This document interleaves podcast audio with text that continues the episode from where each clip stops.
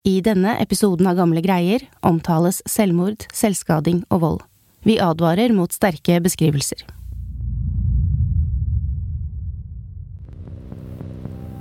Du hører på Gamle greier. Det er påsken 1991. Mange nordmenn nyter noen dager fri og slikker sol i hytteveggen, eller leter etter påskeegg sammen med familien. Men i Krokstad, noen mil utenfor Oslo, er det alt annet enn idyll. I et gammelt trehus ligger en ung mann død. Han heter Per Yngve Olin, men blir kalt Pelle. For en stund tilbake kom han full av håp fra Sverige for å begynne som vokalist i det banebrytende metallbandet Mayhem. Som vokalist hadde han rukket å bli sagnomsust med drøye stunt og morbide tekster. Lenge gikk det bra. Nå ligger han her, ille tilrett etter å ha tatt sitt eget liv.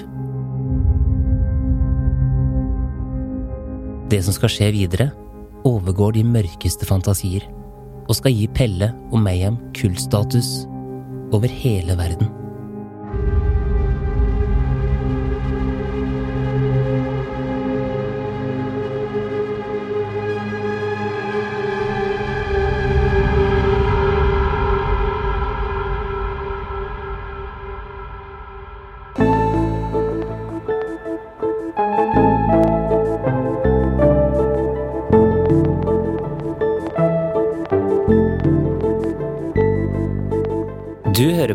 Greier, en historiepodkast fra Nasjonalbiblioteket. Jeg heter Lars Hamren Risberg.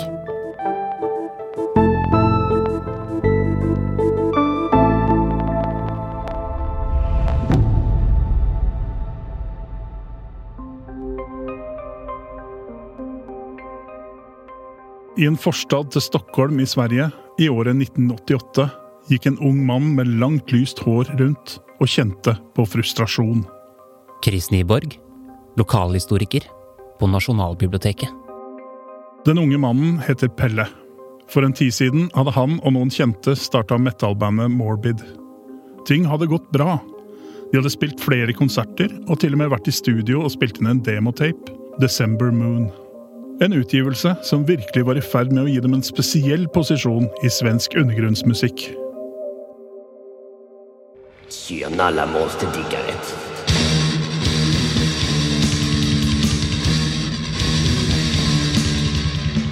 Men nå var kalddusjen kommet. De andre i gruppa var ikke like seriøse som han, og gruppa sleit med å komme seg videre. Og for Pelle var dette veldig dårlig nytt. Han hadde ingen plan B. Det var musikk han ville drive med. 19-åringen hadde akkurat droppa høyere utdanning og i stedet fått seg jobb på trykkeri for å kunne satse på musikken. Alt han tjente, gikk til å finansiere studioinnspillinger og scenerekvisitter til bandet. Pelle måtte finne en løsning.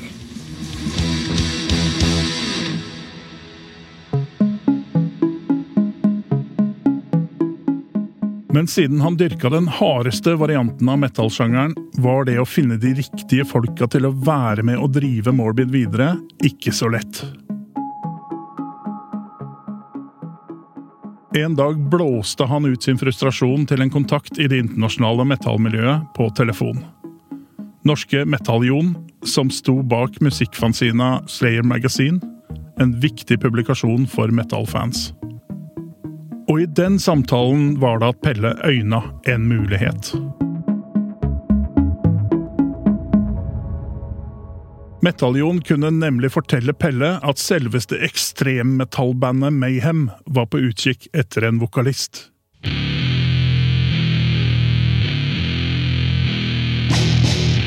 Metalljon mente Pelle burde melde seg. Mayhem hadde nettopp dette ekstreme i sin tilnærming til tekster og musikk som Pelle likte så godt. Og han ble besatt av å få jobben. Dette kunne være stedet han kunne utfolde seg som artisten Dead.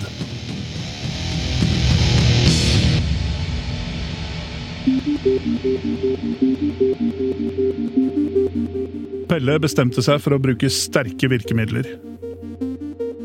Han fikk tak i ei mus som han korsfesta på to pinner. Han la musa i en konvolutt sammen med en kopi av Morbid-demoen December Moon, og sendte alt sammen i posten sammen med et søknadsbrev til det norske bandet.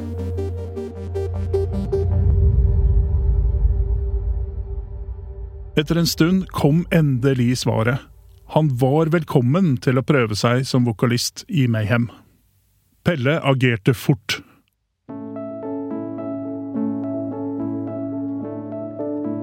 Han tok farvel med foreldrene sine og gutta i Morbid, og satte seg på første og beste fly til Norge. På flyplassen ble han møtt av gutta i Mayhem. Bandet var blitt starta noen år i forveien av ungdomskompisene Øystein Aarseth, Jørn Stubberud og Kjetil Mannheim fra Langhus.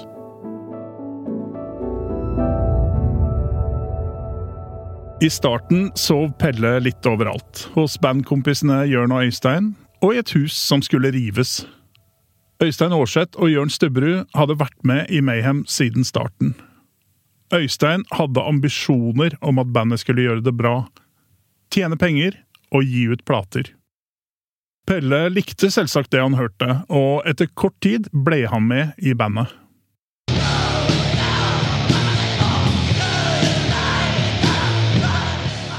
Det ble raskt tatt et bandbilde. Pelle sminka hvit som et lik i ansiktet, noe han hadde starta med i Sverige, og alle gutta med teaterblod i munnen.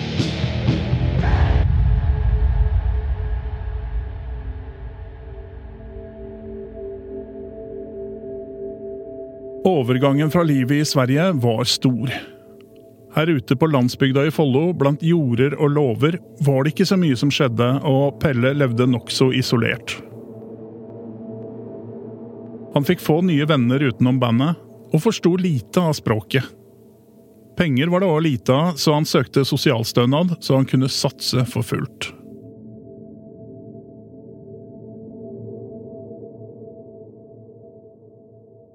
Fram til nå hadde Mayhems tekster handla om blod og gørr.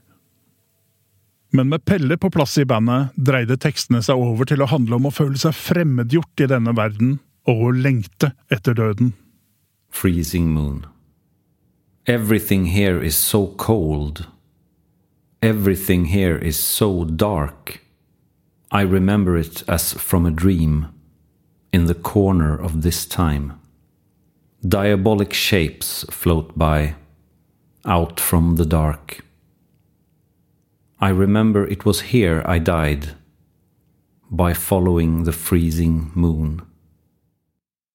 Men dette alvoret og dødsfokuset som nå tok Mayhem et steg videre, kom fra et sted som stakk veldig dypt. Et alvorlig traume Pelle ble påført som ung og som det var vanskelig å overskue konsekvensene av. 70-tallet. Sverige var i vekst, og folk flokka seg til byene, og spesielt Stockholm, for å jobbe. En trend man også merka godt i stockholmsforstaden Vestre Haninge. På denne tida kunne man se barnefamilier komme kjørende med flyttelasset til denne lille forstaden, i retning de nybygde fireetasjes blokkene og rekkehusa. Og det var her i Vesterhaninge at Per Yngve, eller Pelle som han ble kalt, vokste opp.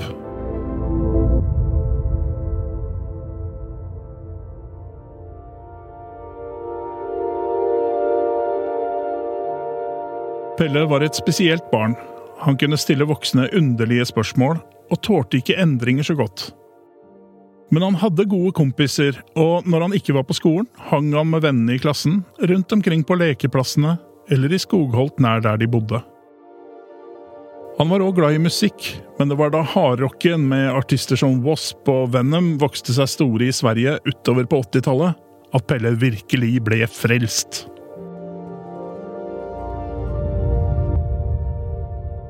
Men i juni 1982, da Pelle var 13 år, var det slutt på den trygge tilværelsen i klassen. Ungdomsskolen sto for tur.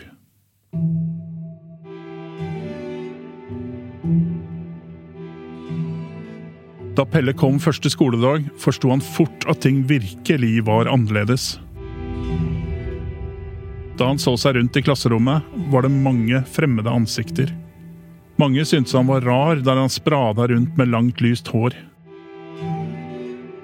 Det tok ikke lang tid før han ble veldig hardt mobba.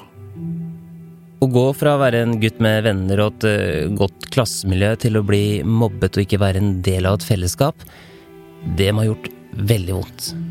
Ja, det er jo utrolig kjipt. Men Pelle, han endra seg ikke. Han var som han var.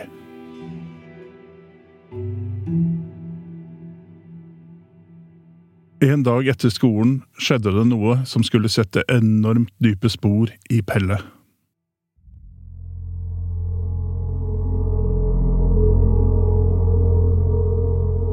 På vei hjem ble han møtt av mobberne. Før han kom seg unna, kasta de seg over ham. De sparka og slo ham til han ikke klarte å forsvare seg mer.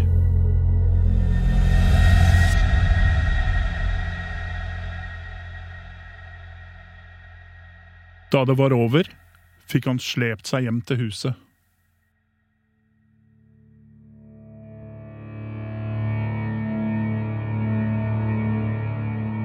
Sammenkrøpen fortalte han til lillebroren at han hadde falt på isen. Han kom seg til senga og fikk lagt seg.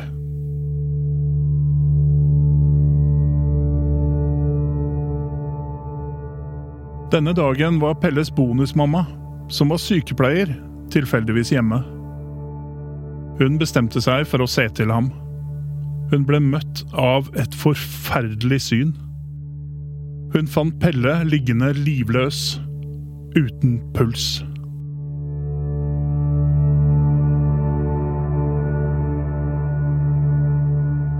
Hun forsto at hun måtte reagere raskt, og starta gjenoppliving av den mørbanka, livløse kroppen helt til ambulansen kom.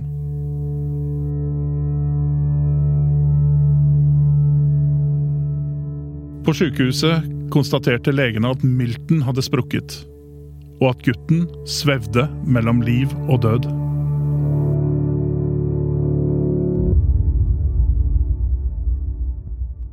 Men etter en stund kom beskjeden. Pelle kom til å overleve.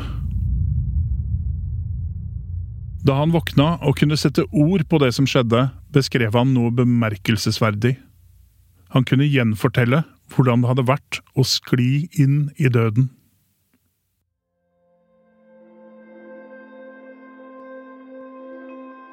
Etter hendelsen bytta Pelle skole og fikk nye venner. Også folk som likte musikk, og som han kunne spille i band med.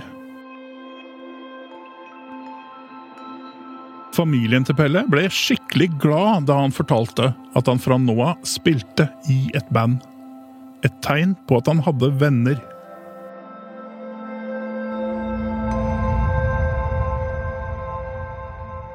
Men leste man tekstene, forsto man at hendelsen som nesten hadde tatt livet av ham, stakk dypt.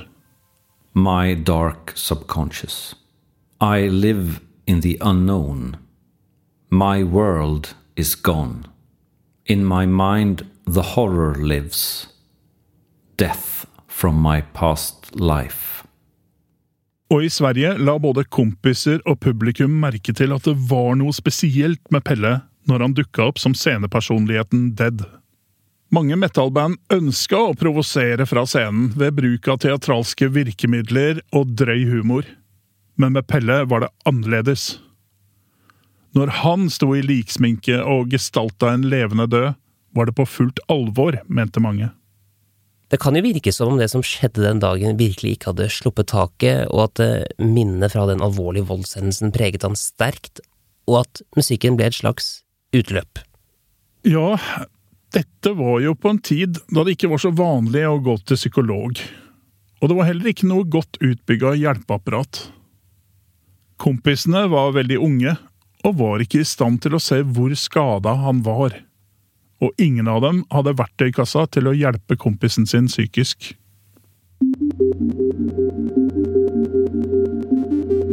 I Norge gikk Pelle enda mer inn i rollen som Dead.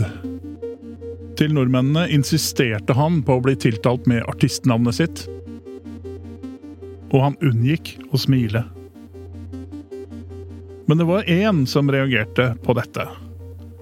Torben Grue, som var inne og spilte trommer i Mayhem på dette tidspunktet, likte ikke det nye sporet den svenske nykommeren innførte. Ting ble for mørkt, og han mente at den svenske bandkameraten trengte hjelp, og ikke en heiagjeng. Det endte med at Torben takka for seg og slutta i bandet.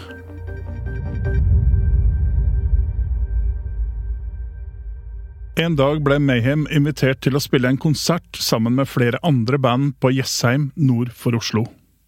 Pelle ville gjerne kjøre på med sitt morbide image, og denne gangen også kutte seg opp på scenen.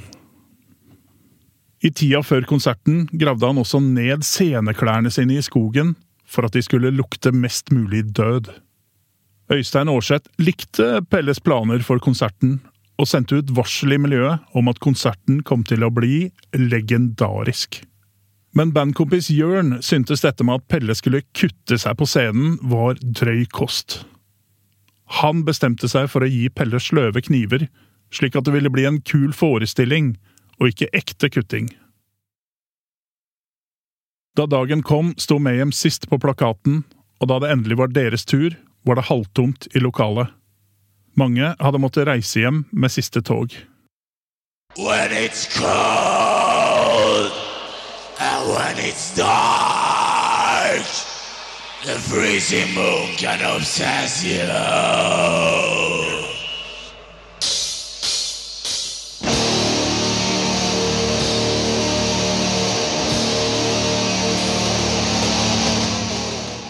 Men de som ble igjen, kunne snart gjøre store øyne.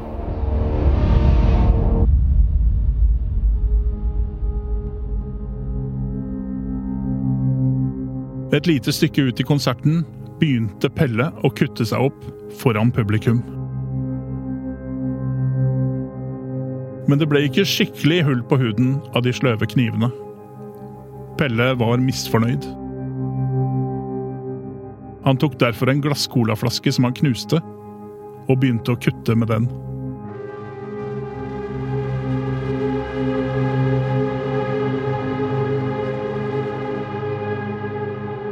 Kuttet gikk veldig dypt, og han blødde forferdelig. Vaktmesteren stoppa konserten og begynte å lappe Pelle sammen. Etter dette gikk det gjetord om Mayhem og Pelle.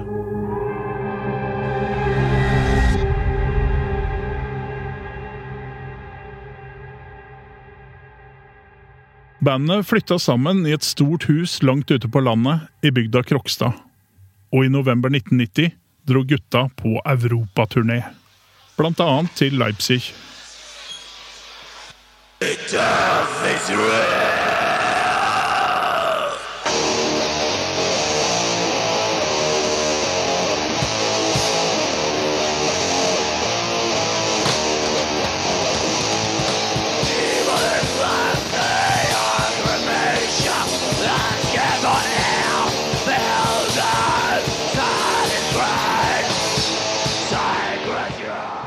Men konsertene var ikke like godt planlagt som de burde ha vært. Det var mye rot, og ting ble avlyst, og stemninga snudde. Til slutt dro de hjem. Og den dårlige stemninga ble med dem hjem til Krokstad. Det ble færre øvinger. Øystein var mer og mer opptatt med å opprette plateselskap, og kom i stadige krangler med Pelle, som var skuffa over at ingenting ble som han hadde blitt lova.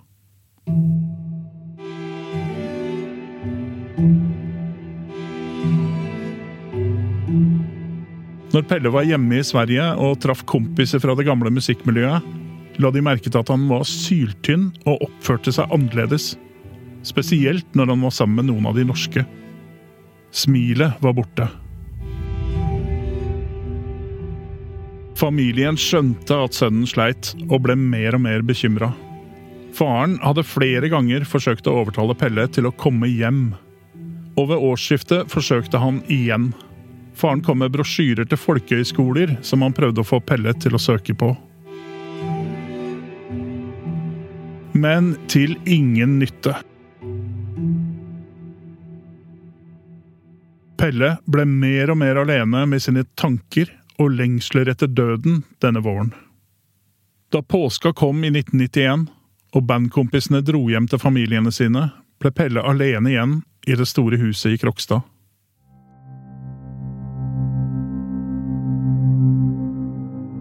En av dagene møtte han ved en tilfeldighet trommisen i bandet, Jan Aksel, på togstasjonen i Ski.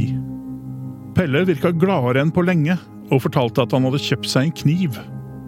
Så dro de hver til sitt. En av bandkompisene vurderte å stikke innom og se til ham, men det ble med tanken.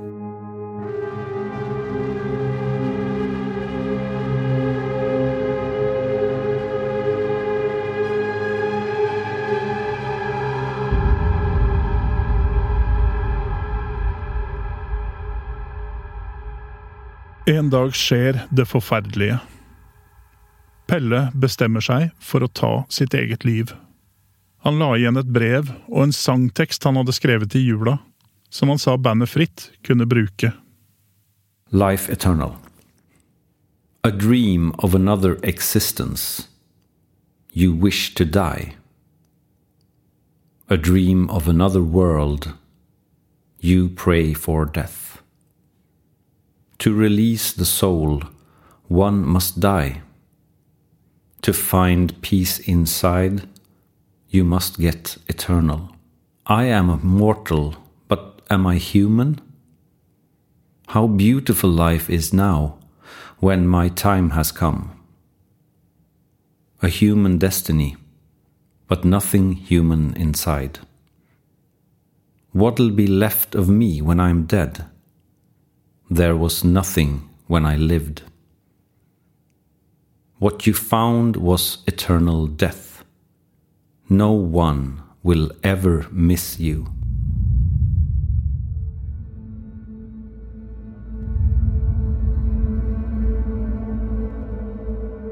Da Øystein Aarseth kom tilbake fra påskeferie og gikk inn på rommet til Pelle i det store huset i skogkanten hjemme i Krokstad, fant han bandkompisen sin død.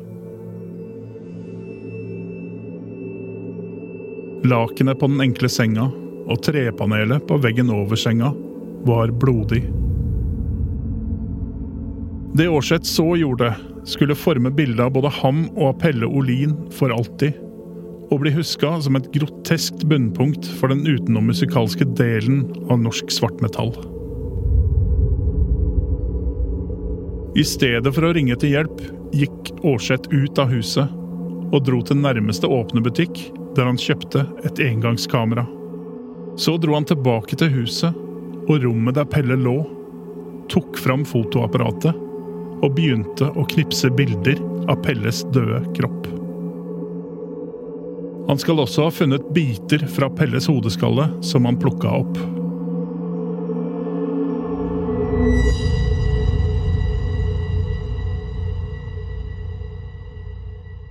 Bildene ble framkalt, og i tida som fulgte, mottok en rekke personer i ekstremmetallmiljøet brev med nyheten om at Pelle hadde tatt livet av seg.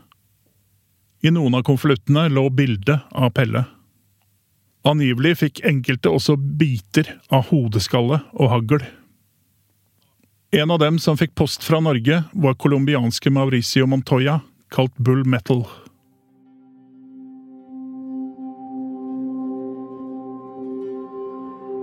I Sverige mottok familien beskjeden om Pelles død med stor sorg. En elska bror og sønn var borte.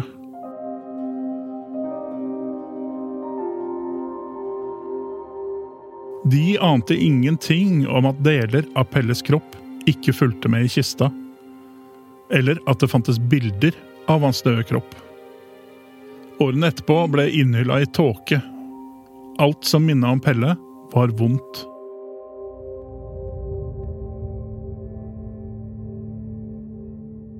En dag, flere år etter Pelles død, gikk en av hans brødre innom en platebutikk han begynte å bla i LP-platen, og plutselig ser han navnet Mayhem på et av coverne. Men etter å ha studert resten av platecoveret, gikk han ut på gata og kasta opp.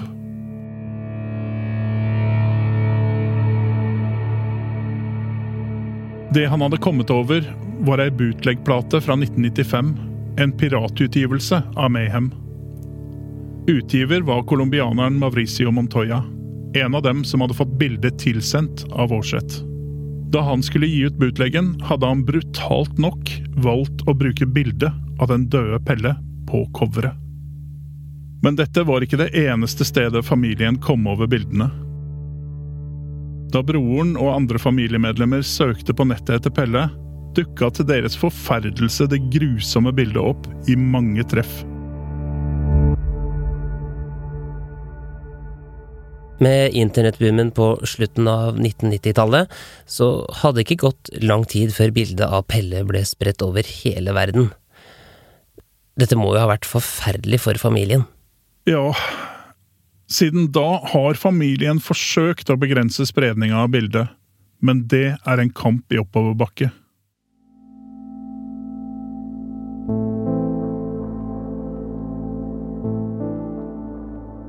Den brutale myten om den ekstreme vokalisten Dead kom i veien for mennesket Pelle Olin.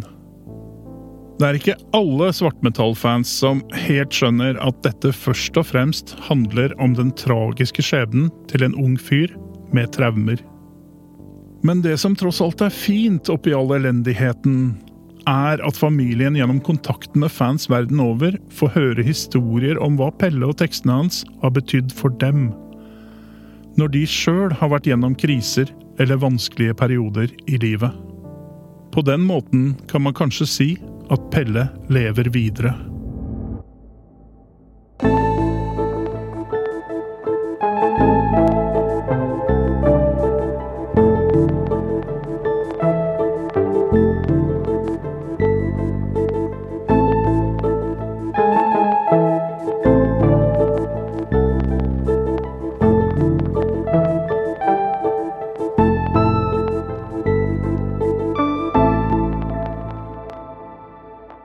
Flere av Pelles tekster ble brukt i Mayhems debutalbum The Mysterious Dom Satanas. Et album som blir regnet som svartmetallens mest ikoniske. Øystein Aarseth ble drept av Varg Vikernes i august 1993. Pelles håndskrevne tekster kan du oppleve i Dårlig stemning, en utstilling om norsk svartmetall som du kan se på Nasjonalbiblioteket på Solli plass i Oslo hele denne våren. For mer informasjon gå inn på nasjonalbiblioteket.no. Trenger du noen å prate med etter å ha hørt denne episoden, kan du ringe Mental Helse på 116 123. Du kan også skrive til dem på nettsiden sidemedord.no. Andre du kan snakke med, er Kirkens SOS. De har telefonnummer 22 40 00 40. Denne episoden er laget av Thomas Alkjær, Ragna Nordenborg, Dang Trind og meg, Lars Hammeren Risberg. Thomas Alkjær har lest sangtekstene. Kilder til episoden er NRKs artikkel Det er jeg som er døden av Thomas Alkjær. Boken Blod, eld, død av Ika Johannesson og Jon Jefferson Klingberg. Og aviser fra Nasjonalbibliotekets avisarkiv. Musikken du har hørt i denne episoden, er fra Morbid, Mayhem, Epidemic Sound og Therese Aune. Du finner mer av Thereses musikk på thereseaune.com, eller der du strømmer musikk til vanlig. Mitt navn er Lars Hammeren Risberg. På gjenhør.